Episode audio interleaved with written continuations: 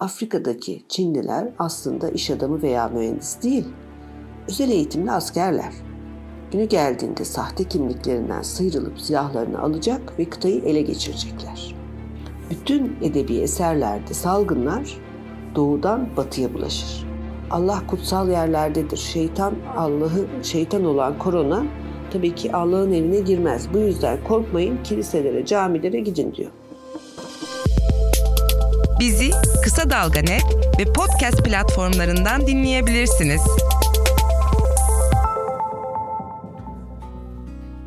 Covid-19 hastalığı vakaları Afrika'da oldukça geç Nisan başında açıklanmaya başlandı. Nisan'a kadar siyah kıta inatla hasta olmayacağına inanmayı tercih etti. Afrika'da Şubat ayından itibaren dolaşan bilimsellikle ilgisi olmayan zehirli haberlerde iki tema işlendi. Covid-19 sıcakta yaşamaz, diğeri de siyah derililere bu hastalık işlemez. Çünkü zencilerin doğal bir bağışıklığı vardır. Yakalananların sadece renkleri belki biraz beyazlaşacak ama ölmeyecekler. Afrikalı coğrafi ve ırksal özelliklerinden dolayı korunduğundan o kadar emindi ki ilk defa şansın Afrika'ya güldüğünü düşündüler. Fakülteden Afrikalı eski bir arkadaşım dahi üzüntüsünü hissettiren kendine iyi bak mesajları gönderir olmuştu gün aşırı. Acıyordu bana çünkü beyazdım. David Ajikobi 37 yaşında bir gazeteci. Merkezi e, Güney Afrika'da bulunan ve biri Nijerya'da olmak üzere dört ülkede ofisi olan kar amacı gütmeyen yayın denetçisi bir kuruluş Afrika Çek. Bu e, kuruluş için çalışıyor. Tarayıp yakaladığı yalan haberleri her gün internet sitesinde ihbar ediyor. Ona göre ilk korona vakası Afrika'nın en kalabalık ülkesi Nijerya'da 29 Şubat'ta görülmüş ee, ve tabii kıtanın farklı bölgelerinde de tek tük sosyal medyaya e, yansıyan e, veya basına yansıyan vakalar olmuş. Risk altında olmadıklarına inanan Afrikalıların en az iki ay boyunca gerekli önlemleri almamaları bir yana bar, kulüp, kafeler Nisan ortasına kadar açık kalmış. Hastalık semptomlarını gösterseler dahi hastalığı reddettikleri için hastaneye gitmemişler. Bu yüzden resmi vakalar ve sayılar bugünkü gerçeklerden muhtemelen uzak. Afrika'yı kurtaran tek bir olgu var o da nüfusun topraklara göre az yoğun olması. Nisan başında pek çok ülkede birden siyahlara e, da hastalığın bulaştığını gören halklar tabii şok oldular. Bu şoku panik izledi ve virüse karşı hepimizin tattığı çaresizlik izledi. Tabii bu öfkeler bir patlayıcı bomba olan yabancı düşmanlığını ateşlemeye yetti. İlk olarak Etiyopya'da ve fil dişi kıyılarında baş gösterdi yabancılara yönelik şiddet eylemleri. Sonra Güney Afrika'da bir grup Fransız turist ülkeye bilerek ve isteyerek pandemi getirmekten terörist örgüte üyelikle suçlandılar. Haziran ayında mahkemeye çıkacaklar. Kıtadaki ilk hastalar Norveç, Fransa, Almanya, İtalya, Türkiye, Hindistan ve Çin'den yeni gelmiş insanlar olarak kayıtlara geçti. Aslında dışarıdan gelen bu insanlar hastalık hakkında bilgi sahibiydiler. O yüzden de şüphelendikleri anda hastaneye gittiler. Oysa Afrikalı bilgisiz ya da yanlış bilgi sahibi olan insanlar semptomları başka hastalıklara bağladılar. Hastaneye gitmediler. Yabancılara Afrikalı beyaz anlamındaki obruni e, derlerdi. Artık yabancıya korona go home diyorlar. Dışarıdan geleni hastalık olarak görüyorlar. Beyaz ekspatlara karşı sosyal medya plat, platformlarında açıkça düşmanlık köpürtülüyor. Düşmanlık tabi beyazlarla sınırlı değil. Malum Afrika kıtası Çin'in 10 yıllardır yatırım yaptığı bir kıta.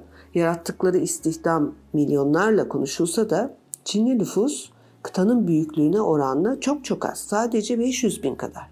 İtalya'da 350 bin Çinli olduğunu hatırlatalım.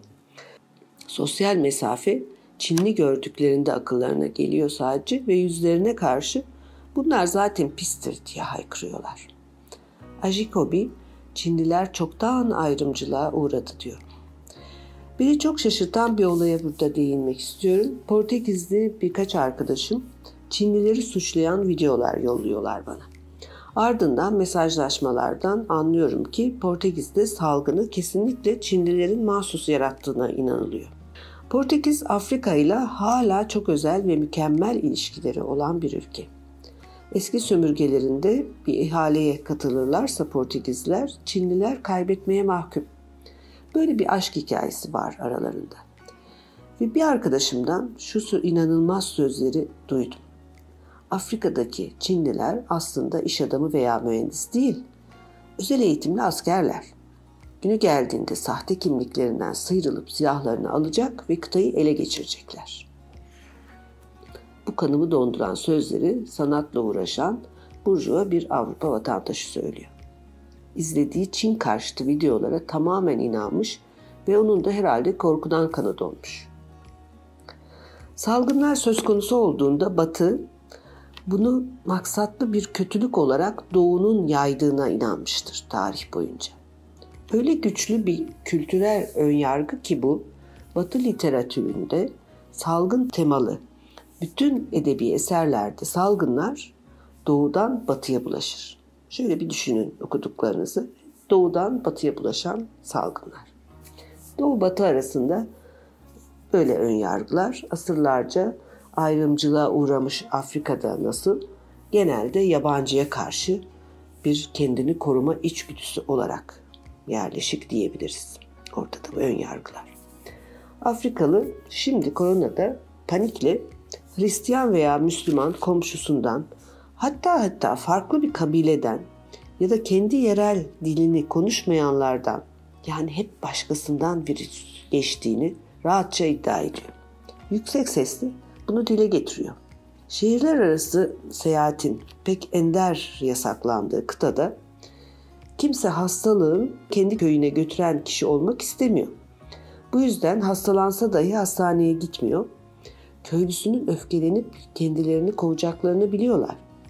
Oradan buradan duydukları karanlık tedavileri tercih edip tanrılarına sığınıyorlar. Mesela Güney Afrika Cumhuriyeti vaka sayısı artan komşusu Zimbabwe ile sınır boyuna duvar örmeye karar verdi. 40 kilometre uzunluk, 1.80 yükseklik. Bir ayda tamamlayacaklarmış. 2 milyon euroya mal olacakmış. Aslında bunu duyurduklarından bu yana bir ay geçti. Bugün haberleri bir daha taradım. Henüz bir ses yok. Mart soyu Güney sonunda Güney Afrika yine de ülke genelinde sıkı bir e, kontrollü sokağa çıkma yasağı koydu. Asayiş sağlamak için de orduyu sokağa saldı. Senegal ve fil dişi sahili de başta daha uzun, şimdilerde sadece akşam saatlerini indirdiği bir e, sokağa çıkma yasağı uyguluyor. E, ancak ülkesinde görülen vakalara rağmen Tanzanya'ya bakalım. Oradaki Cumhurbaşkanı John Magufuli her pazar yaptığı gibi kiliseye gitmeye devam ediyor. Tanrı'nın olduğu yere koronavirüs girmez diyen başkan kiliseden çıkarken Allah kutsal yerlerdedir. Şeytan Allah'ı şeytan olan korona tabii ki Allah'ın evine girmez. Bu yüzden korkmayın kiliselere, camilere gidin diyor. Muhalefet bilime karşı durmayın. Bu hastalık öldürücü. İbadet yerlerine kapatın diyor ama kulak vermiyor başkan başkanın hastalığın yayılmasına sebep olmakla suçlayan e, haberler de ne yazık ki Tanzanya'da değil komşu ülke Kenya basınında ancak yer alabiliyor. Kulağınız bizde, kısa dalgada olsun. Haber podcastle buluştu. Kısa Dalga Podcast.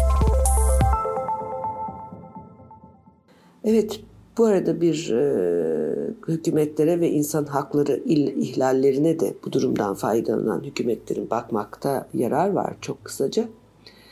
E, yalan haber avcılığı kisvesi altında basın özgürlüğü e, daha da kısıtlanıyor Afrika'da. Örneğin Senegal'de Mart e, ayı sonlarında yerel bir televizyon olan Tuba TV'de çalışan iki gazeteci Bubake kentinde ellerinde izin belgeleri Covid-19 haberi yaparlarken sokağa çıkma yasağını deldikleri gerekçesiyle polis tarafından ağır şekilde dövüldüler. Uganda'da da aynı şey. Güvenlik güçleri yine yasaklara uymama gerekçesiyle gazetecileri dövdü. Saat 19'dan itibaren Uganda'da genel sokağa çıkma yasağı ilan edilmiş. Ama Uganda Cumhurbaşkanı Museveni basın toplantılarını her zaman saat 20'de yaparmış. Şimdi basın resmi haberlerin yayılmasına dahi, dahi izin verilmiyor basının. Yani herhalde soru sorarlar falan diye korkuyorlar. Kinshasa'da hastalığın aniden yoğunlaştığı bir mahalle olmuş. Oraya gidip haber yapmak isteyen gazetecilere belli bir saat dilimi için izin verilmiş. Ama ne tesadüf ki o saatlerde mahalle tamamen karantinaya alını vermiş. Yani basın sokakta kedilerden başka kimse bulamamış. Afrika'da susuzluğu, dolayısıyla açlığın 2020'de bu yıl çok yüksek olacağı önceden biliniyordu. Ne acıdır ki üstüne korona geldi ve hastalıkla başa çıkacak imkanları kesinlikle olmayan kıtaya bir de korona geldi. Susturulmuş bir basın var. Virüsün yol açtığı yabancı düşmanlığı görüyoruz. Bakalım bu katmanlar nasıl bir patlayıcı madde üretiyor Batı'nın baş ağrısı olarak nitelediği Afrika'da. Sosyal medya bağımlısı bir toplum olan ve sahte haberlerin beşiği diyebileceğimiz bir ülkeye Hindistan'a uzanmak gerekiyor. Afrika'nın onda birinden küçük bir alanda Afrika'dan daha kalabalık bir nüfus. Yetersiz sağlık sistemi ve genel altyapı durumuyla aynı kara kıta gibi salgınla başa çıkmakta zorlanan Hindistan. Bu yüzden de ölenlerin sayısı tabii ki nüfustan dolayı kat be kat yüksek Afrika'da. Çin'de salgın başlar başlamaz Hindistan'da da hastalıkla ilgili hastalıkla ilgili yayınlar şaşırtıcı bir hızla artmış. Yanı başındaki tehlikeyi merak ettiklerinden ülkede internet ağı defalarca kilitlenmiş. Başbakan Narendra Modi vatandaşlarını hastalıkla ilgili söylentileri ihbar etmeyin diye ikaz etmiş. Ama bu sözler borsanın 2010 krizinden bu yana en düşük seviyeye gerilemesine engel olmamış. Böyle bir peyzaj var ortada. Şimdi Facebook'un mesaj uygulaması WhatsApp'ın en büyük dünyadaki pazarı 400 milyonu aşan kullanıcısıyla Hindistan.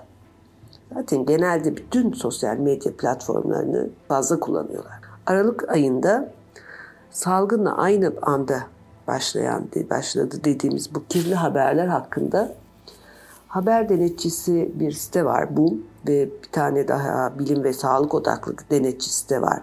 Skachi Sutara. İkisinin ilginç bir tespiti var. Hem fikirler. Şöyle diyorlar. Normalde Hindistan'da sağlık konularında yanlış bilgi pek yayınlanmazdı. Haftada 2-3 belki. Bu sayı günde 5-6 günde 5-6'ya çıktı. Şu an aklıma geldi aslında tıp ve bilgi işlem uzmanlığı denince Hindistan e, olumlu bir imaja sahipti dünyada değil mi? Neyse devam edelim. Hindistan'daki yalan haber temalarına kısaca bakalım. Yine UNICEF imzalı sahte mesajlar bolca var. Yine dondurma gibi soğuk yiyeceklerden kaçınma, işte virüsün kumaşta 9 saat yaşadığından dolayı giyecekleri sık sık yıkamak, çok bol C vitamini almak, e, kendi kendimize yapabileceğimiz korona testleri, boğazı kuru bırakmamak. Hele bu e, ara ara su içme mesajı Hindistan'dan çıkıp dünyayı acaba kaç kez dolaştı. Masum görünen e, bu e, mesajlar aslında manipülatif ve asıl önlemler göz ardı edilebiliyor. Bir diğer tema bazı ülkelerin garip mutfak alışkanlıkları yasaklanmalı. Tür mesajlar dolaşıyor. Bunların devamında ne geliyor? Hinduizmin erdemleri övülüyor.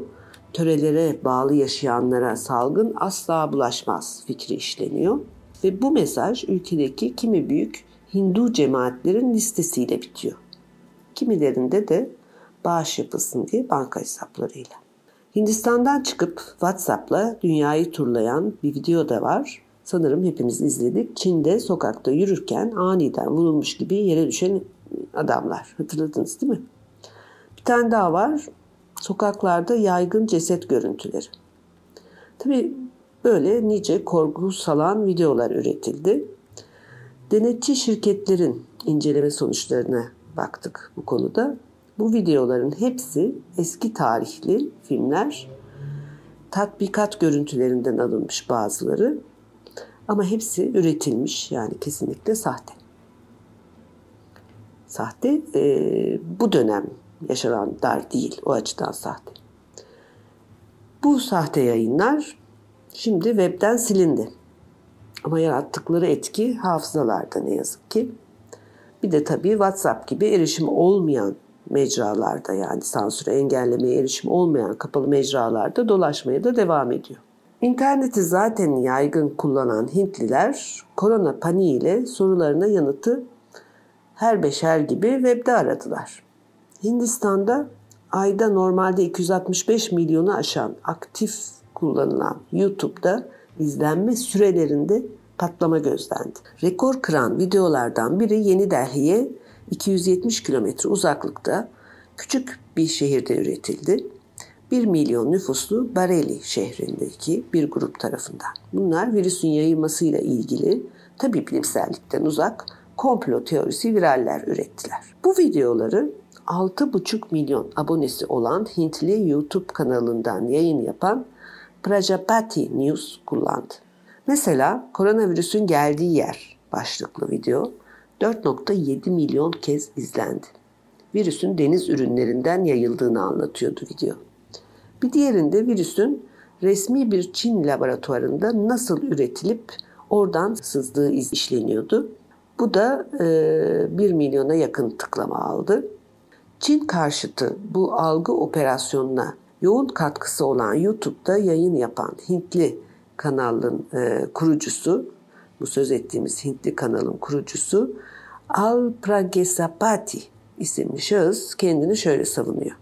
Yanlış bilgi yaymama konusunda aslında çok hassasız. Kullandığımız bilgilerin nereden geldiğine çok dikkat ederiz. Bu yaptığımız haberde kaynak aldığım klip İngilizceydi. Çinli bir haber kanalından alıntı sandım. Hintli izleyici için ilginç olacağını düşündüm. Yani kaynağın İngilizce olması haber müdürüne yetmiş. Prajapati bu videolar sayesinde biliyor musunuz abone sayısını her gün 10 binlerle arttırdı. Koronavirüsü idare etmekte hükümete bakalım. Hükümet çok eleştiri aldı. Modi hükümetinin salgın hakkındaki iletişimi bilimsel titizlikten son derece uzak kaldı. Modi'nin partisi Bharatiya Janata'nın seçilmiş politikacıları, çeşitli düzeyde, her düzeyde seçilmiş politikacıları açıklamalarıyla ne kadar cahil ve yetersiz olduklarını gösterdiler. Önerdikleri tuhaf tedaviler arasında inek idrarı ve inek gübreleri ağırlıktaydı. Mantralar tarafından enerji yüklenen karanfil tohumlarını dağıtan partililer ve onları öven gözü yaşlı vekiller, işte otla, duayla, garip tedaviler öneren Hint hükümeti dünya basınında eleştirildi. Uluslararası kredibilitesi biraz daha yara aldı. Ancak bunlardan geniş halk kitlelerinin haberi tabii ki olmadı. Sansasyonel kirli haberlere dağılmış yöneticilerini hastalıkla savaşta başarılı addederek rahat uyumak varken kim itibar edecek dünya onlar için ne diyor? Zaten salgında kendisi yetersiz kalan, birleşip bir İtalya'yı, İspanya'yı kurtaramamış, onlara yardım edememiş Batı dönüp kendisine baksın değil mi?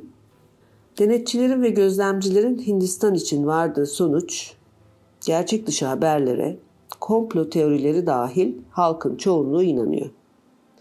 Denetçi şirket bulma kulak verelim. Fazla yalan video izleyerek morali bozulan ve kendisini hasta zannedip intihar eden bir Hintli tespit etmiş. Hani masum görünüyor ya bu yalan haberler. İşte intiharları bile yol açabiliyor. Başka doğrudan ölüm var mı bilmiyoruz. Bulamadık ama sahte reçetelere inanarak korunmayı bırakıp hastalığa yakalananların sayısını tabii ki tespit edemeyiz.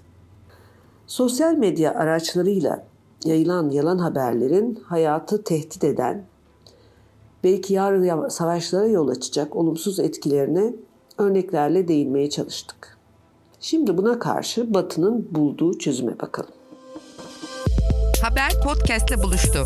Kısa Dalga Podcast. Kulağınız bizde, Kısa Dalga'da olsun.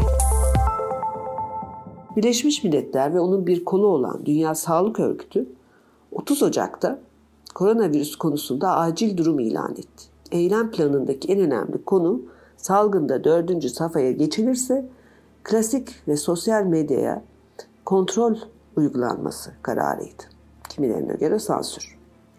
Birleşmiş Milletler'in Sri Lanka'da işbirliğini büyük başarıyla koordine eden Büyükelçisi Hannah Singer'ın yalan haberlerle ilgili değerlendirmesine kulak verelim. Dünyanın dört bir yanında korktukları, endişeli oldukları, kendilerini ve sevdiklerini en iyi şekilde nasıl koruyacakları hakkında bilgi aradıkları bir dönemde insanlar yanlış bilgilendirme, çarpıtma ve söylentilerden etkilenmeye, hatta bunlara göre hareket etmeye karşı daha savunmasız ve hassastırlar. Sahte haberler virüsten daha hızlı yayılıyor her gün yeni tedavi iddiaları ve veya doğrulanmamış sözde tedbirler duyuyoruz.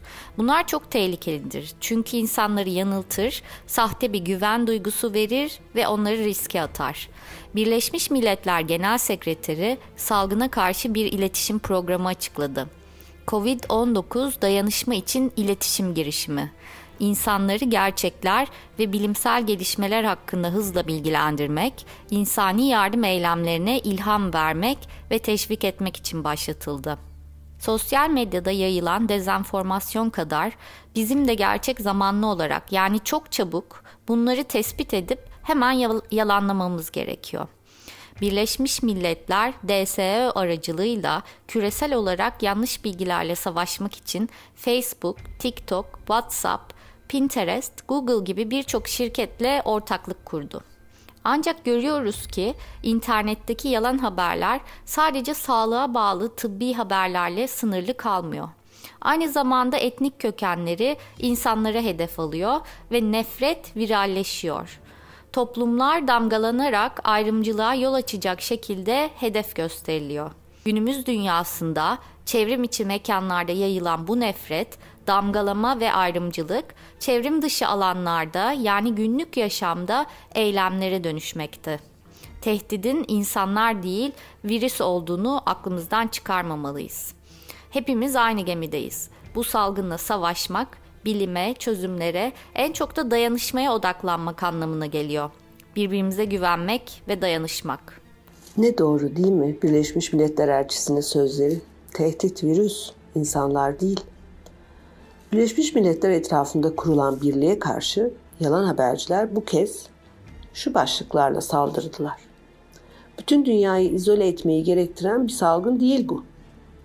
Ölü sayıları her yılki grip ölümlerinden daha fazla değil.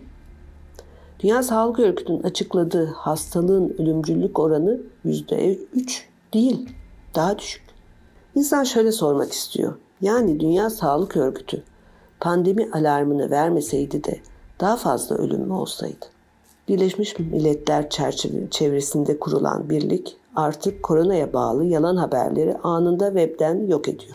Taramalara takılan geçmiş veya yeni yayınlanan haberlerin büyük çoğunluğu sansürlendi. Tabii ki kapalı devre sosyal medya koridorlarında yani WhatsApp gibi mecralarda kendilerini ifade ederek varlık sürdürebiliyor yalan haberler. O yüzden ilk dikkat edeceğimiz okuduğumuz her şeyi hemen yaymamak. Konuyu Birleşmiş Milletler Koordinatörü Singer'ın öğütleriyle bitirelim.